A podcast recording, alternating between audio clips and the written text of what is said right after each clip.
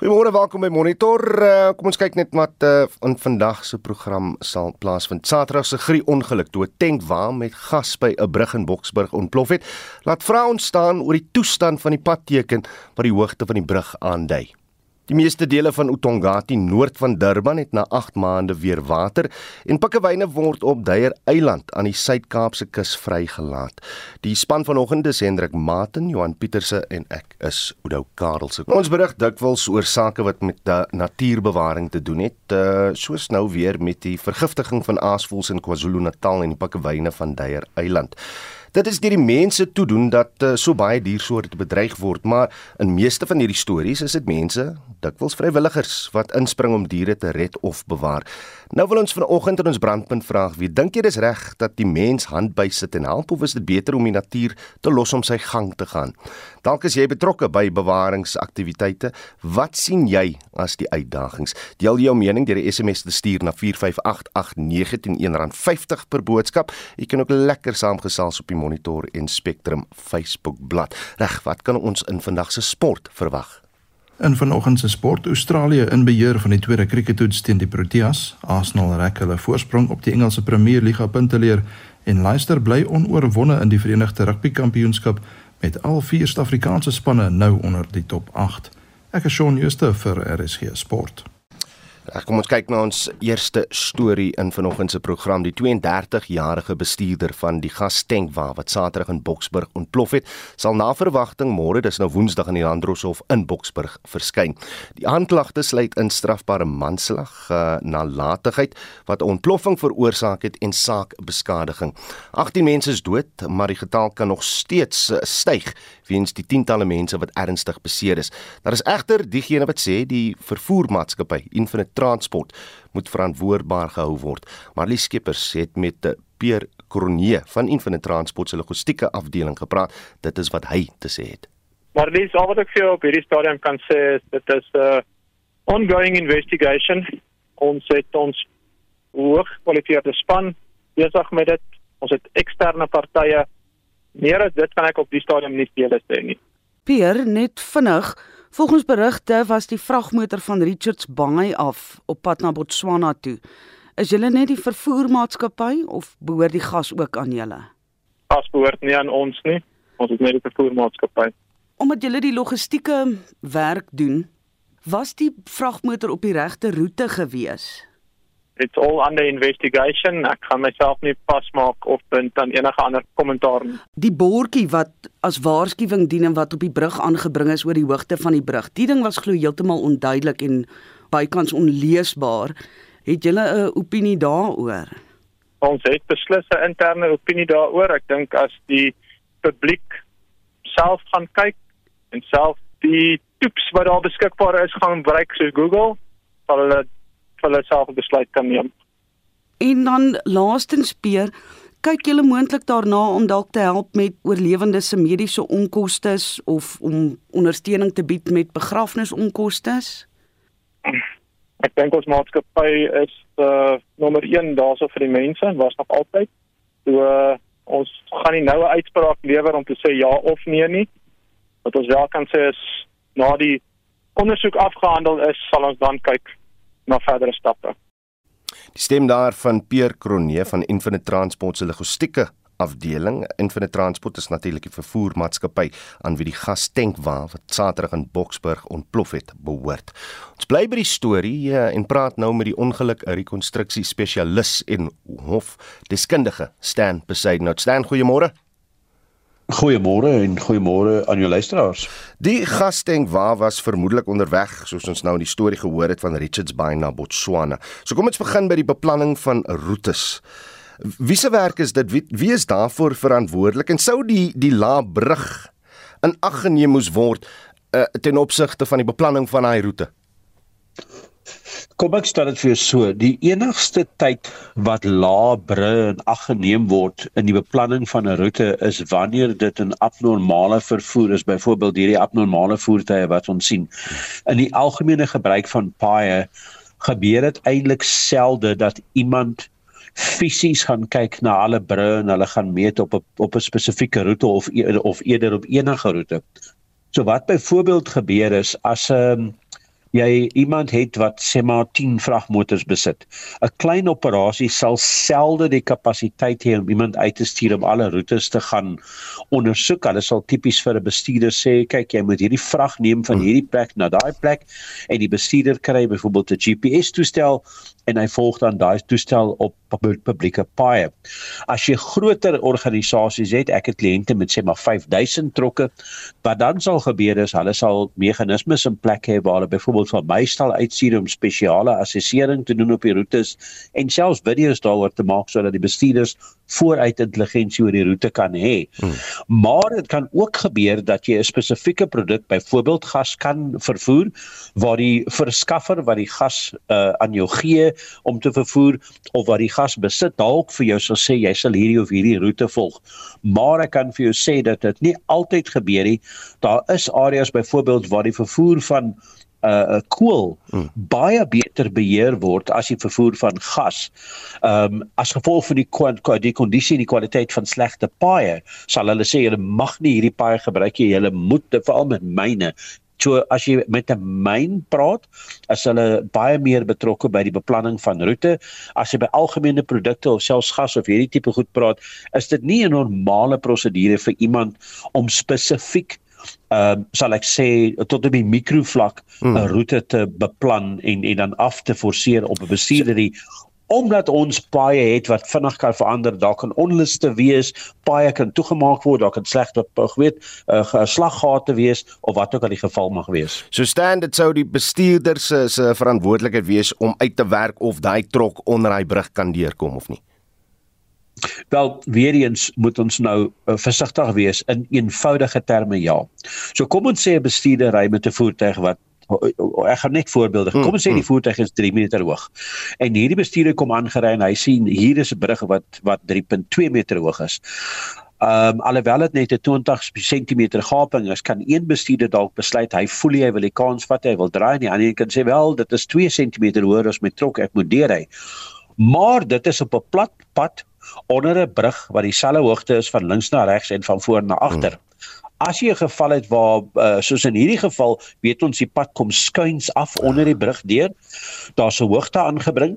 Um en nou kan die bestuurder die die fout maak om te dink die hoogte is hoër as sy voertuig, maar as hy sy kop van die vragmotor onder die brug inry en die agterkant is nog op die skuinste, is dit amper asof hy as jy nou 'n reguit ding deur 'n gebuigde pyp probeer druk en hy kan vasdruk. En dit kan selfs met draaie gebeur het. In die in die paste in Suid-Afrika word vragmotors vasgekeer op draaie en dis die probleem. Die padtekens is nie daar om vir die uh, vragmotorbestuurder genoeg intelligensie te gee om ingewikkelde besluite te maak. Hierdie is net vragmotorbestuurders en dit is wat ek dink mense moet onthou in gevalle soos hierdie. Die die vragmotor het ook onder 'n spoorwegbrug naby die Tambo gedenk Hospitaal vasgesteek, aan die brand geslaan en kort daarna ontplof. Nou wil ek weet wat wat is die risikobeheermaatreëls wat toegepas moet word indien 'n hoë risiko vrag soos 'n gastankwa in so 'n situasie beland want daar daar was natuurlik mense wat om die toneel uh, rondom die trok om saamdrom het. Ja, en ek sal sommer vir jou dadelik sê, um in die eerste plek, um is dit so dat op elke voertuig wat gevaarlike produk vervoer, of dit nou gas is, of dit plofstof is, of dit of dit gevaarlike olie is, enigiets van hierdie aard, is daar 'n nommer wat agter op die voertuig verskyn. Daai nommer is 'n produknommer. Daai produknommer verskyn in 'n handleiding wat vir jou presies verduidelik wat se produk dit is, wat se tipe chemikalieë dit is, wat die effek is op mense en meer belangrik wat se tipe protokols gevolg moet word met die ontruiming van die area. Nou in die geval van gas is die ontruimingsarea word bepaal en in hierdie geval is dit 'n baie groot ontruimingsarea, so groot as 2.2 km of selfs meer. En wat nou moet gebeur is ons moet onthou as die vragmotor onder die brug vasgekeer raak en daar's 'n lek van hierdie gas en die gas ontbrand sê maar binne 5 minute, dan het jy 'n probleem want daar's nie genoeg tyd om mense te ontruim nie. Maar as die vragmotor onder die brug uh vasgekeer raak en daar's genoeg tyd vir die nooddienste om om om te arriveer op die toneel, daar's genoeg tyd vir die brandweer om daar te wees, dan het hulle 'n protokol wat hulle moet volg. Daar's byvoorbeeld byvoorbeeld, hulle moet iets soos 1600 liter per minuut water spuit om die ding koel genoeg te hou dat dit kan ont, ontplof nie en dan wat wat deel van hulle werk sal wees is om die area te ontruim. In hierdie geval weet ons dat net die brandarea, net die net die area van die vlamme is reeds amper 100 meter. Net die die die feit bly staan, die protokol wys ook uit dat dit veral in in gevorderde lande sou hulle sogenaamde robot tegnologie gehad het om nie die mense naby die vragmotor te bring nie. En dan selfs verder is dit 'n geval dat ons weet ons moet mense ontruim. Nou raak die vraag as ons kyk na die spesifieke tydlyn en hierdie spesifieke saak, hoe lank was die vragmotor? Hoe laat het hy die brug geraak? Hoe lank het hy daar gestaan? Of wat se tyd het hy het, het, het, het dit ontvlam en meer belangrik hoeveel kans was daar mense te omry ontruim en as daai mense ontruim was sou ons dan dalk lewens kon red of nie en dit is die tipe goed waarna mense sal moet kyk as jy en ag neem al die inligting wat tot jou beskikking is wat jy nog geleer het van die video's wat jy gesien het wat jy gehoor het of gelees het oor die voorval dink jy alle rolspelers insluit in die brandweer en nooddienste het die regte stappe geneem Dis onmoontlik vir my om te sê want ek het nie ek is nie besit van 'n video wat spesifiek op daai aspekte konsentreer nie. Almal konsentreer op die op die kom ons noem dit nou maar die entertainment hmm. value. Almal het die vlamme afgeneem en die ontploffing afgeneem en so. Ongelukkig is daar nie 'n tydlyn nie. Ek sal byvoorbeeld sê ek het foto's gesien waar dit vir my lyk asof brandweer teenwoordig is op die toneel. Ek het ook foto's gesien waar daar hierdie hierdie afkoördineringsband is of die barrier tape is wat opgesit is. So dan moes een of ander nooddienste op toneel gewees het. Ek weet nie wie het eers daar gekom, hoe lank het hulle gevat, hoe lank was hulle op die toneel en hoe lank daarna nie. Ek het ook 'n getuie op televisie gesê ge, gehoor wat gesê het hulle was besig om die trok te probeer uitskuif. Nou ek sal persoonlik nie sê ek weet meer as die brandweer hmm. dienste of die nooddienste oor dit nie, maar ek sal bekommerd wees om 'n ding wat aan die brand is met 'n klomp gas in te probeer skuif onder 'n brug voordat die gas uitgebrand het of heeltemal verwyder was. So uh, ek kan nie sê dit is of is nie so nie, maar ek kan vir jou sê ek is al reeds uh ten minste bekommerd oor wat hoeveel tyd daar was en wat daar gedoen is binne daai tyd. Stan Besender, baie dankie vir jou tyd hier op monitor. Hy's 'n ongeluk ondersoek spesialis. Nou die gruwelike ongeluk waarin 18 gesterf en talle beseer is, het mense landwyd aangegryp. Die bestuurder van die gastank waar word onder meer van strafbare manslag aangekla. Daar is egter tergende vrae oor hoeveel van die skuld hy het omdat die padteken oor die brug se hoogtemerk na bewering nie behoorlik sigbaar was nie. Ons praat nou hieroor met 'n strafregkenner aan die Universiteit van Pretoria, Dr. Llewellyn Kloos. Llewellyn, goeiemôre. Goeiemôre. Daar is vrae oor waarom hy van onder meer strafbare manslag aangekla word en dan nou nie moord nie. Verduidelik net vir ons. Ja, goed, in die eerste plek is eintlik 'n baie eenvoudige onderskeid tussen moord en strafbare manslag. Om, om van moord aan te kla uh, aangekla word, moet jy die opset gehad het. Dit is 'n skuldvorm uh, wat 'n voorvereiste element is om skuldig bevind te word aan moord. Ek dink almal moet vir mekaar reg sê, uh, niemand sou graag in hierdie omstandighede uh die oordeel vel dat hierdie persoon opsetlik uh sê net maar 18 mense se dood bou veroorsaak nie. Ek dink dit is redelik ehm um, uitgemaakte saak. Uh daar is natuurlik die vraag van die sogenaamde dolus eventualis of die voorsienbaarheid en dan die uiteindelike uh, gaan jy daarmee versoen. Uh daai daai toets uh wat 'n element is en 'n voorbeeld is van opset en wat beteken dat in dat daar moontlik dan 'n saak uitgemaak kan word vir moord. Maar my regsgevoel sê vir my nadat ek alles geluister het en gehoor het dat hierdie inderdaad 'n sa saak is van strafbare manslag. En moet geen fout maak nie. Strafbare manslag uh, wat net nalatigheid verg vir 'n skuldige bevinding ook 'n verminderde vorm van skuld uh, is natuurlik genoeg om dan 'n skuldige bevinding uit te bring. En dit is erg genoeg dat 'n persoon baie lank kan tronk toe gaan sou hy dan skuldig bevind word aan strafbare manslag. So die die eerste verskil tussen die twee vorme van misdaad is dit eenvoudig die vereiste skuldvorm wat wat wat wat geverg word. Ek kan miskien net dit bysê maar dit is 'n baie eenvoudige vraag en toets.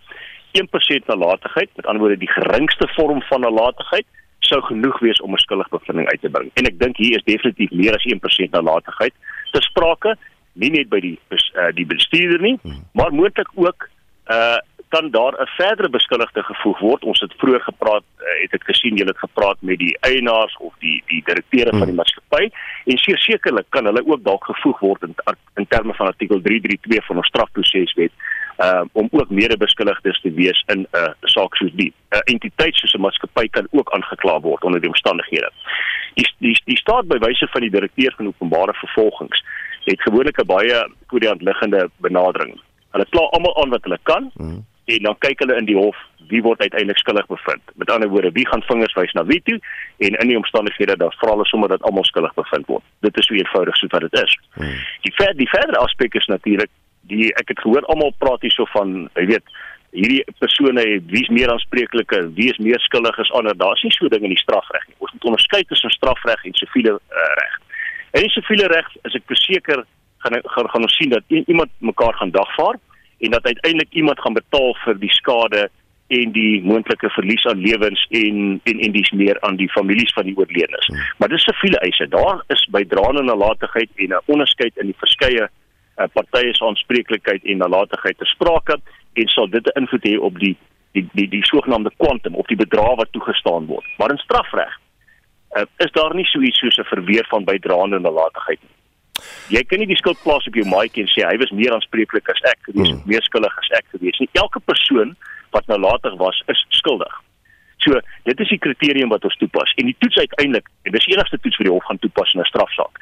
Die hof plaas homself in die posisie van daardie busbestuurder op daardie dag en daardie omstandighede en vra dan die vraag, ehm um, sou hy anders opgetree het as wat die redelike busbestuurders opgetree het. Met ander woorde, ons gaan ook nog verder onderskei tussen die gewone man op straat se bestuursvernuf en die van 'n sogenaamde deskundige, waarvan bestuurders van hierdie tipe van gevaarlike uh, trokke definitief in my opinie 'n hoër graad van 'n verantwoordelikheid dra as die normale bestuurder. So ek het geen twyfel in my gemoed dat die bestuurder moet aangekla word en inderdaad aangekla gaan word van strafbare manslag. Daar sal nou môre meer duidelikheid geskep word oor die situasie en wat op die dag gebeur het, maar kan die bestuurder heeltemal blame ontduik indien dit wel die geval was dat die hoogtemerk nie behoorlik sigbaar aan hom was nie? Ja, van ek ek ek ek het al wat ek gesê het en ek wil nie ek wil nie die die vraag ontwyk nie. Die mhm. vraag vir die die toets vir die hof gaan toepas het niks te doen met bydraende nalatigheid van die stadsraad of die padverkeersordonnans uh uh, uh entiteite nie of hulle bordjies opgesit het of nie opgesit het nie. Of gaan sê meneer, jy's 'n busbestuurder of 'n trokbestuurder in hierdie geval. Jy het 'n hoër graad van verantwoordelikheid wanneer jy hierdie tipe toerusting voorwerpe trokke onder jou beheer het. Moes jy jy gesien het hier is 'n brug voor jou Dink jy nie jy moes gestop het, seker gemaak het voordat jy die volgende stap ge geneem het nie? Hmm. En dis die vraag wat die hof gaan vra. As die antwoord dan is ehm uh, nee, enige enige redelike trokbestuurder onder daardie omstandighede sou dood eenvoudig maar net die kans gevat het en gery het, dan gaan die hof waarskynlik sê hy was nie nalatig nie, niemand anders het so anders opgetree nie. Maar as die antwoord anders is, dan definitief. En soos ek sê, 1% nalatigheid is so geringe vorm van nalatigheid dat dat dit eintlik redelike eenvoudige strafvervolging vir die staat daarstel sonder om te veel ehm um, te kyk na ander um, omstandighede wat wat wesenlike invloed kan hê. Ehm um, en uh, so so my reggevoel sê vir my en ek ek wil nie die saak vooruitloop nie definitief nie daar mag miskien ander aspekte te sprake kom later wat 'n verskil kan hê in die uitkoms. Uh, maar op dit wat ek gehoor en gesien het, is ek oortuig daarvan dat daar meer as die geringste geringste vorm van nalatigheid te sprake was, definitief meer as 1% en derhalwe sou ek uh, waarskynlik nie uh, sien dat daar 'n uh, 'n uh, goeie verweer vir die busbestuurder is nie. Of alle beskuldigdes ook gevoeg gaan word, dit sal ons nou sien later, hmm. uh, maar definitief die busbestuurder. Strafregkenner aan die Universiteit van Pretoria Dr. Llewellyn Kaloos. Om die tegniese aspekte verder te belig, praat ons nou met 'n privaat padverkeers- en vervoerkonsultant Alte Swanepoel. Alte, goeiemôre. Goeiemôre. Wie se verantwoordelikheid is dit om seker te maak die padtekens voor bru duidelik en sigbaar is? Dis normaalweg die, die owerheid binne wie se gebied daardie is 'n uh, eh, spesifieke pad is se verantwoordelikheid. Um, en in 'n spesifieke geval soos hierdie, um, is is dit so dat die padverkeerswet maak voorsiening daarvoor dat Transnet, uh, dis wat die wetgewing nog sê, maar Prasa is dan nou 'n 'n regsopvolger van Transnet in sekere omstandighede, uh, verantwoordelik is vir uh, padtekens wat gaan oor um, oor spooroorgange maar die ander padtekens binne 'n owerheid is normaalweg die plaaslike owerheid se verantwoordelikheid. Enig iemand anderste wat 'n padteken wil opsit, moet in elk geval ook by die owerheid toestemming kry. Ehm um, iets wat natuurlik ook spesifiek is op hierdie tipe padtekens is net onthou om te verstaan dat die feit dat daar op 'n spesifieke plek 'n brug is wat so laag is, ek verstaan dit was 3.6 3.7 meter hoog, hmm. sou daar um, padtekens voor daardie area moes wees om voorsiening te maak om vir iemand te sê hoor jy mag nie hier verder ry nie want jy gaan nie deur hierdie spesifieke plek kan kom nie en daar gaan 'n waarskuwing teken sowel as 'n reëlingsteken moes gewees het om te sê as jou voertuig hoor as hierdie hoogte is, moet jy wegdraai hier en op 'n ander pad ry want jy gaan nie hier kan ry nie. So die die padverkeerswet het 'n ehm um, verpligting op die pad oorheid want dit is alles openbare paaie. Ehm um, maar verder is daar ook 'n reeks padtekens. Dis nie net die padteken op die brug nie. Want wat gebeur nou wanneer sê maar 'n 22 meter trok nou by daai punt kom? Hmm. Hy kan nie hy kan nie meer terugry nie en hier is 'n brug voor hom wat eh, 'n uh, meter meer is. Kyk die padverkeerswet sê voertuie mag 4.3 meter hoog wees. So as hierdie brug soveel laer is, is daar heel wat voertuie daar buite wat nie daai uh, onder daardie brug sou kon deurry in elk geval nie. So uh, sover jou kennis strek is hierdie tipe voorval uniek of gebeur dit maar gereeld maar al nie noodwendig hoofopskrifte nie omdat dit nie altyd lewensverliese uh teweegbring nie dit gebeur gereeld in Suid-Afrika te oomblik is naakse situasie. Ehm um, ons het wat hulle noem trokke met ysou containers op en hierdie groot vraghouers word um, ge, gelaai op voertuie wat hulle dan so 4.6 meter hoog maak wat alreeds 300 ehm um, ehm um, uh, verskoning wat nou alreeds hoër is as die ehm um, die normale uh, geregte uh, hoogte in die land. En daar word op die oomblik nie vreeslik wetstoepassing daarop gedoen nie want dit is 'n bietjie van 'n probleem. Daar was vrystellings vir hulle tot by 4.6 meter wat in elk geval hulle op sekere paaie 'n probleem laat veroorsaak het. Ek weet dat ehm um, daar in die verlede al heelwat probleme was met soos Sanral brûe en so voort waarvan hierdie hoër voertuie die brug tref ehm um, en dat daar dan skade is. Maar as gevolg van hierdie snaakse situasie waar ons weet daar's 'n klomp voertuie daar buite wat hoër is as die maksimum hoogte. Ehm um, maar dat daar op hierdie stadium eintlik 'n bietjie van onduidelikheid in die wetgewing is, dink ek daar dit gebeur meer gereeld as wat ons dink. Dit het net nie die geweldige gevolge nie. Ehm um, en wanneer hierdie voertuie hoër as die regte hoogte is, is hulle in elk geval veronderstel om abnormale voertuigpermitte te hê. Maar hierdie spesifieke scenario, selfs sou 'n voertuig wat binne die normale reëls van die padverkeerswet ry, sou nie daardie onder daardie brug kon deurry nie. Dit was 'n privaat padverkeers- en vervoerkonsultant Alta Swanepoel. Die meeste dele van Utongati noord van Durban het na 8 maande weer water.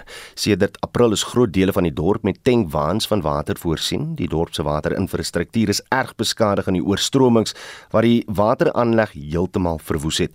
Die herboude aanleg is einde Oktober in bedryf gestel. Die eThekwini munisipaliteit sê die laaste gebied waar hulle besig is om watertoevoer te herstel is Hambanati. Inwoners van die dorp vertel dat 8 maande sonder lopende water 'n finansiële, sosiale en sielkundige tol geëis het. Dries Liebenberg berig.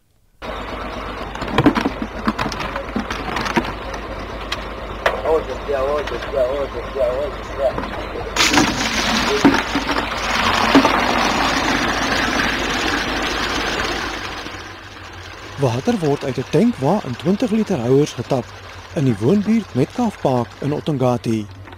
Vir 'n fooi van 5 of 10 rand maak 'n groep tieners die houers vir bejaardes vol en dra die swaar emmers na hulle huise. Maande lank was dit inwoners se daaglikse rotine om kosbare water te hê terwyl die eThekwini munisipaliteit die dorp se wateraanleg herbou het en skade aan reservoirs en pyplyne herstel het. Inwoners sê die waternood het 'n finansiële, sosiale en sielkundige impak op hulle lewens gehad. Die 73-jarige Jakes Naidu sê dit was die ergste jaar van sy lewe. Very very stressful actually. We this last year was my worst year of my 73 years of living actually. It was terrible. You know, we wake up in the morning and thinking where we're going to go. We retired, both of us at home. Where we're going to go. But now with load shedding and uh, water problems, it's about what's going to happen next. That's kind of that's a problem. Yeah. Insecurity. Naidu staan in sy pragtige voortuin wat hy self onderhou en vertel dat hy en sy vrou voor die vloede baie uitgegaan het. Na die vloede het hulle by die huis gebly uit vrees dat hulle die daaglikse wateraflewering sou mis. Naidu se vrou Indrani het elke oggend klere met die hand gewas. Naidu is verheug dat hulle nou weer kraanwater het. I don't know, I lost for words actually and uh, my wife uh, took a photo of the tap, opened the tap, and as I said, I was from the farm, and uh, opening the tap and tap water is coming out. Is it was so much relief, and uh, thank God for that. You know, every day we pray that we get water, and, and now, as, as you say now, I'm going to go to a birthday party are having a good bath. 'n Ondersoek van die Menseregte Kommissie na toegang tot water in KwaZulu-Natal het in Augustus getuienis van mismoedige en woedende inwoners van Otongati aangehoor oor hulle waterprobleme. Vroeger die jaar is die dorp tot stilstand gedwing tydens betogings oor die gebrek aan water. Osman Akunji van Metcalf Park sê verskeie mense het na die vloede tanks gekoop om reënwater op te vang. Hy verduidelik dat die water wat die tankwa aflewer nie sonder verdere behandeling geskik is om te drink nie. Sommige verkies om eerder drinkwater by 'n winkel te koop. Sherin Hussein het R500 van haar maandelikse maatskaplike toelaag van R1900 op gebottelde water bestee. Londeka Muyisa sê die stres van waterskaarste het nes in Metcalf Park tot argumente onder inwoners van die Imona behuisingsontwikkeling gelei. Oh, we're so angry. We're so angry because the water tank came and never came. Sometimes they just passed two days. After two days, they came back. People fighting, so they want water from water tank. Sometimes they don't come, you see. Yeah. They were fighting, but there were a lot of people that need water. Die eThekwini munisipaliteit se hoof van water en sanitasie, Etnik Msweli, sê hulle het na 'n nuwe pyplyn oorgeskakel om huishoudings van water uit die Imona reservoir te voorsien omdat die ou pyplyn te veel gelek het. We did start supplying on Saturday, but on I know that on Tuesday and Wednesday we, we didn't have uh, sufficient storage in the reservoir to supply. So there's two days when we were not uh, able to supply, but we have since uh, opened the outlet again. So we are supplying again. But even with the new line, so we are now not going to have leaks on the main line supplying the area. But in the when you now look at the reticulation where the water is going, we still have leaks there. So from time to time we do have to shut. Msweli verduidelik, Ambanati is die laaste oorblywende gebied waar watertoevoer nog nie volledig herstel is nie. Hy sê ekstra kontrakteurs is in diens geneem om lekkasies in die pyplyn te herstel. Daar word beplan om in Januarie 'n tweede pomp in bedryf te stel om meer water aan die gebied te verskaf. Ek is Dries Liebenberg in Otongati. Jy luister na Monitor. Elke weekoggend tussen 6 en 7.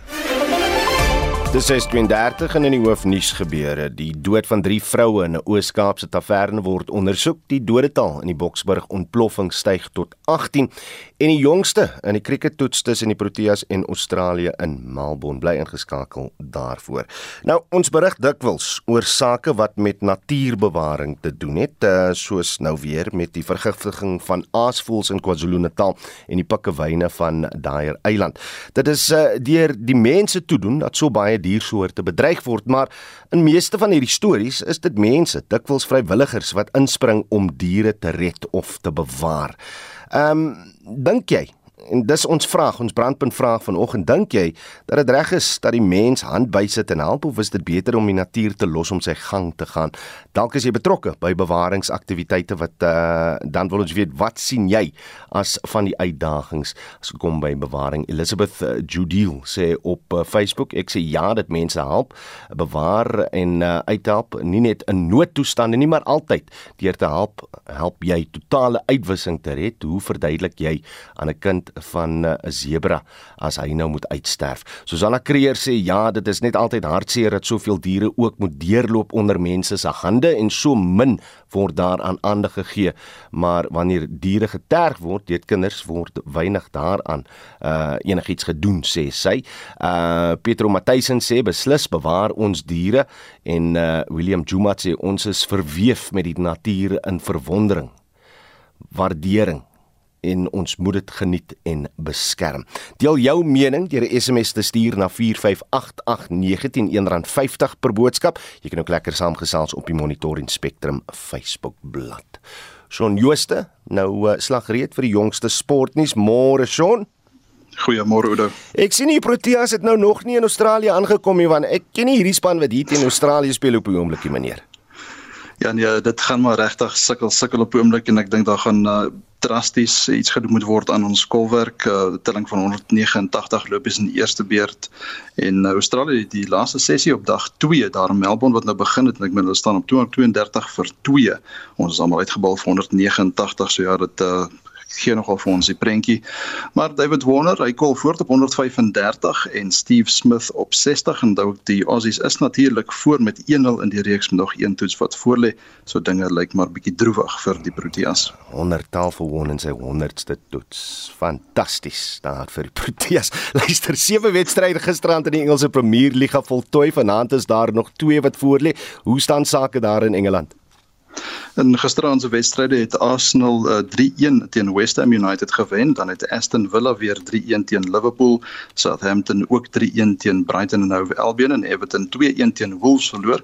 Leicester City is met 3-0 deur Newcastle United en Crystal Palace met dieselfde telling deur Fulham afgeronsel en Brentford en Tottenham Hotspur het 2-2 gelyk opgespeel. Nou Arsenal rek hulle voorsprong na 7 punte. Newcastle United skuif nou op in die tweede plek, nog 'n verrassing.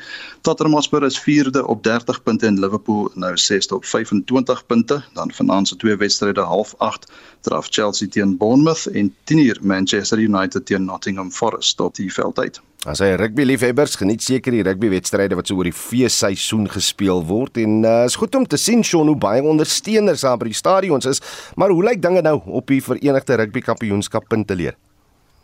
Die eerste span Leinster bly onoorwonde na 10 wedstryde. Hulle staan op 47 punte. Die Stormers is tweede op 39 punte na 9 wedstryde. Ulster is derde op 35, die Bulls vierde op 34 punte. Die Sharks en Lions rond die top 8 af op 24 punte elk en dan kyk ons dit gou vinnig na gisteraand se tellings. Munster het Nalskrap 2019 teen Leinster vasgeval. Ospreys het Scarlets met 34-14 getroof en Dragons het 29-24 teen Cardiff verloor. En dit was ons Shaun Jooste.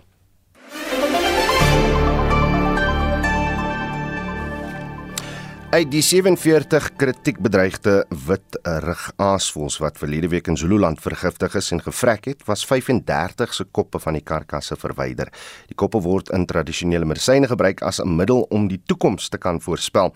Ons gesels nou met Andre Botha, die eh, programbestuurder vir aasvoëls in Afrika by die Trust vir Bedreigde Natuurlewe. Andre, goeiemôre.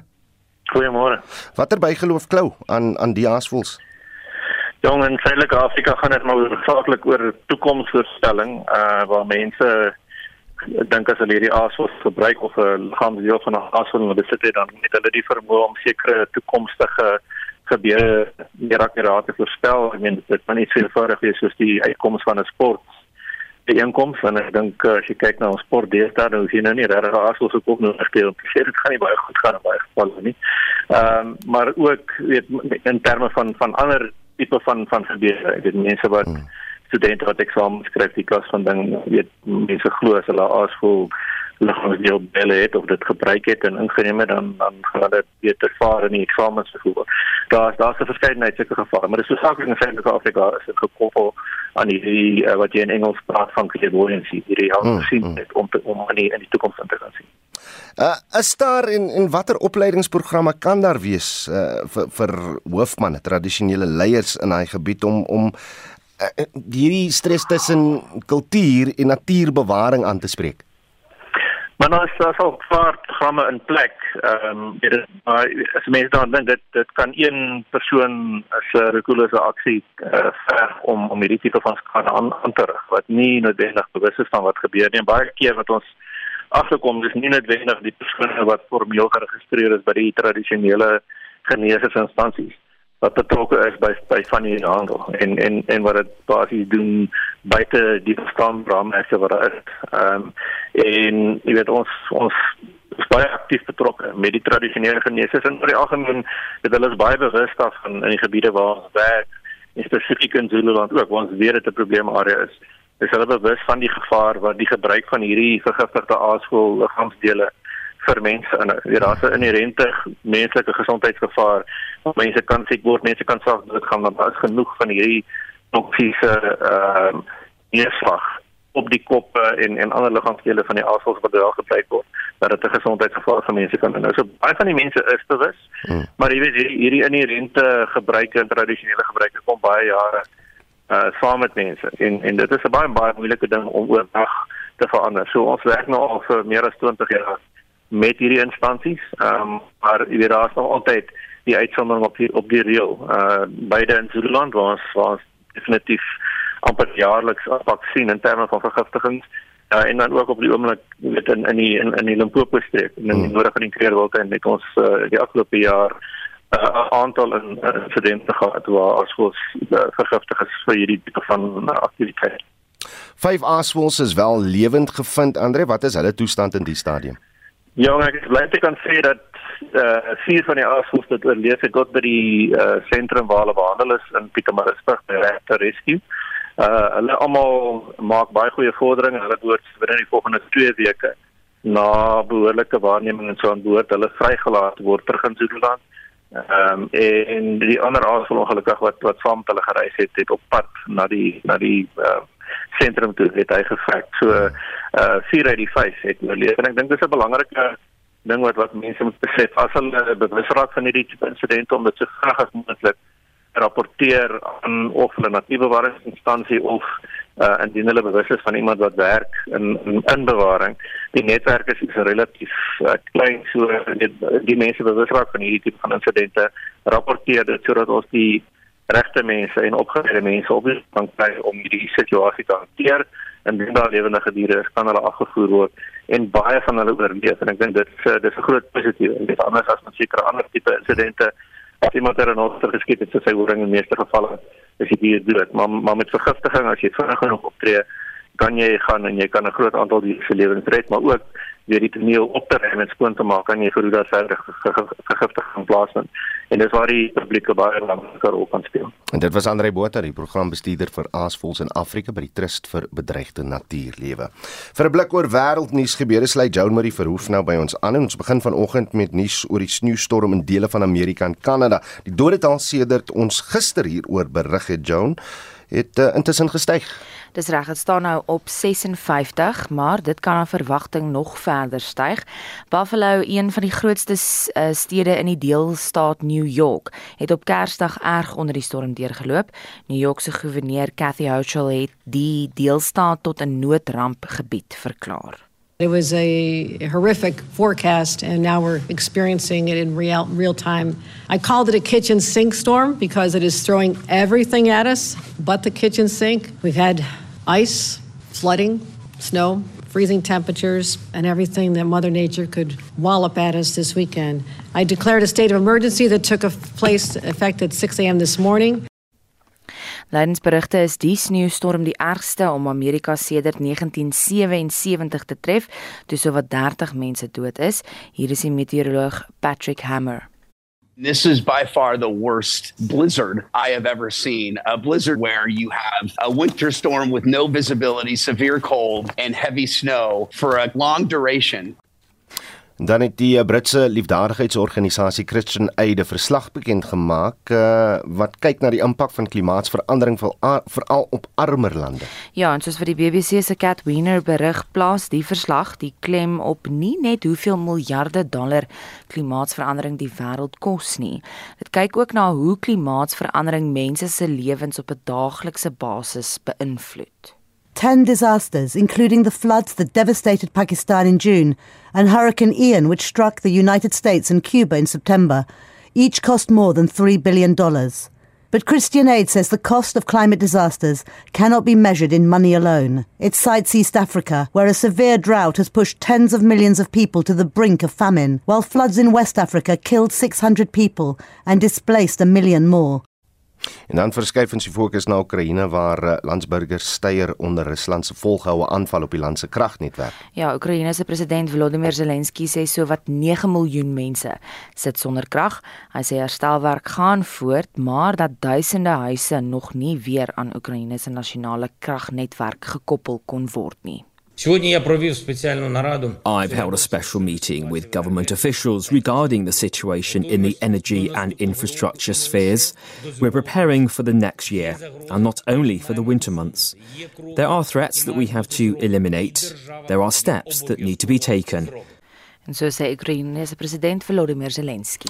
En dit was Jean-Marie Verhoef met 'n oorsig van internasionale nuusgebeure. Ons gaan nou net 'n uh, bietjie nader kyk na een van die stories in daai berig en die staat New York in die VSA natuurlik en dele van Kanada gaan gebuk onder 'n natuurverskynsel wat Amerikaners beskryf as 'n bomsikloon wat arktiese temperature tot gevolg het. Tot dusver het minstens 38 mense in die VSA gesterf en 4 in Kanada nadat 'n bus op 'n ysige pad in Britse Kolumbie gerol het. Vir meer oor die ysige stormagtige weer praat ons nou met die dekaan van die fakulteit Natuurwetenskappe by Akademia, professor Hannes Rautenbach. Hannes, goeiemôre. Goeiemôre Oudo. Wat veroorsaak sulke ysige storms? Ja, Oudo, soos jy gesê het, um, ons het 'n weerstelsel in die VSA wat bekend staan as 'n bomsikloon. Um, in Europa staan dit ook on, uh, bekend as 'n uh, weerbom. Dit is 'n stelsel wat uh, in die winter voorkom en die die uh, kardinale patroon wat hierdie stelsel veroorsaak is natuurlik die polêre uh, straalstrome. Nou die polêre straalstrome is 'n uh, 'n stroom van wind wat hier in die hoë atmosfeer voorkom en die uh, stroom van wind uh, waai in 'n antikloksgewyse um, rigting om die noordpool. Ons het natuurlik een in die suidpool ook. En hierdie golfpatroon uh, veroorsaak dan dat uh, koue lug van die pole af uh, afgetrek word na die uh, warmer dele nader aan die ewenaar. Nou wat hierdie bomsikloon ehm uh, uh, eintlik uh, beteken is dat uh, omdat hierdie straalstroom dan oor die um, kontinentale gebiede in, in hierdie geval hier in die ooste van die FSA beweeg uh, begin dit ook vinniger beweeg. Dit begin vinniger beweeg daar die winde en uh, as gevolg van die vinnige beweging uh, word 'n laagdrukstel gevorm natuurlik die sikloon en dit suig van die wind van die oppervlakte baie sterk op na die boelig toe. Nou as gevolg van uh, die feit dat die die lug opgesuig word, uh, gaan gebeur dit dat uh, dat in hierdie geval uh, die lugdruk op die oppervlak uh, in 24 uur met uh, 24 millibars of hektopascal uh, verlaag. Nou dis 'n geweldige skok in die atmosfeer as die lugdruk so vinnig uh, verlaag en dit is juis uh, waarom hierdie ding 'n uh, bomsikloon genoem word hmm. omdat daar 'n tipe van 'n siklonale ontploffing plaasvind in hierdie geval. Hoe lank anders voor dit uh, temperature stabiliseer en die storm uitwoed of gaan hy sy greep net verstewig? Ja, oor die oomblik uh, voorspel hulle dat uh, hierdie selfsal so iewat gaan verswak uh, in die in die volgende paar dae. Uh, hierdie selfs natuurlik baie naby aan ons afsny laag wat ons in Suid-Afrika kry uh, waar die vochtige lug ook ingesuig word en dan baie uh, reën veroorsaak. En die FSA is dit nou wel winter en dit veroorsaak dat daar koue en en sneeu voorkom en en interessant is dat uh, in hierdie geval um, hier in die staat uh, Montana het gestap tot -45 grade Celsius. Nou dis is die tipe temperature wat mense hier in suidelike halfrond uh, op Antarktika kry. Geweldige koue toestande, uh, sneeu van tot meer as 'n meter uh, dik is in die stad Buff Buffalo aangeteken en en dit ontwrig uh, groot uh, dit veroorsaak groot ontwrigting. Maar die tekens is dat die volgende paar dae se bietjie gaan bedaar en dit was die dekaan van die fakulteit Natuurwetenskappe by Akademia professor Hannes Rautenbach. Die veteraan rolprentvervaardiger Boet Troski is op ou Kersaand in die ouderdom van 86 oorlede. Hy was die stigter van Mimosa Films en sal vir rolprente soos Dirkie, Beautiful People and the Gods Must Be Crazy onthou word. Ons fliekkenner, Leon van Heerop, sê Troski het 'n ingrypende nuwe wending in die rolprentbedryf gebring. Ek het Boetroski die eerste keer ontmoet toe ons die eerste reeks van Daardeur in die fliek in Bloemfontein geskied het. Ek het hom baie joviaal, vriendelik en gesaghebend gevind. Hy was 'n sakeman wat verstaan het hoe 'n film se geld sake in mekaar steek en wat sal geld maak en wat nie. Daarvoor het hy 'n instink gehad. Hy het destyds in die motorhandel in Bloemfontein saam met sy broer Bill begin. Later hier rondom 1964 se kant het hy El Deba ontmoet wat altyd saam met Frederik Burgers films gemaak het en El het die draaiboek van Die Wonderwêreld van Kamikamfer aan hom voorgelê. Boeter het gesien, dadelik daarvan gehou en besluit dat hy 'n vervaardiger wil word. Hy het natuurlik ook 'n geweldige invloed op ander rolprentmakers se lewens gehad, soos byvoorbeeld Jan Skols met Kipian Kandas, Dirk de Villiers, Emil Nouvel en dan ook Koos Roots. Sy vennootskap met Jamie Eis is egter die deurslaggewende faktor gewees in ons rolprentbedryf en dit het ons bedryf heeltemal verander. Dink byvoorbeeld aan die rolprent Dirkie wat vervaardig is deur Boetroski met Jamie Eis as regisseur en draaiboekskrywer. Dit gaan oor 'n pa se liefde vir sy seun. En ek onthou toe ons met Wynand Eis gepraat het wat die rol van Dirkie gespeel het, het hy vertel hoe gevaarlik dit soms was om die rolprent te skiet onder moeilike omstandighede.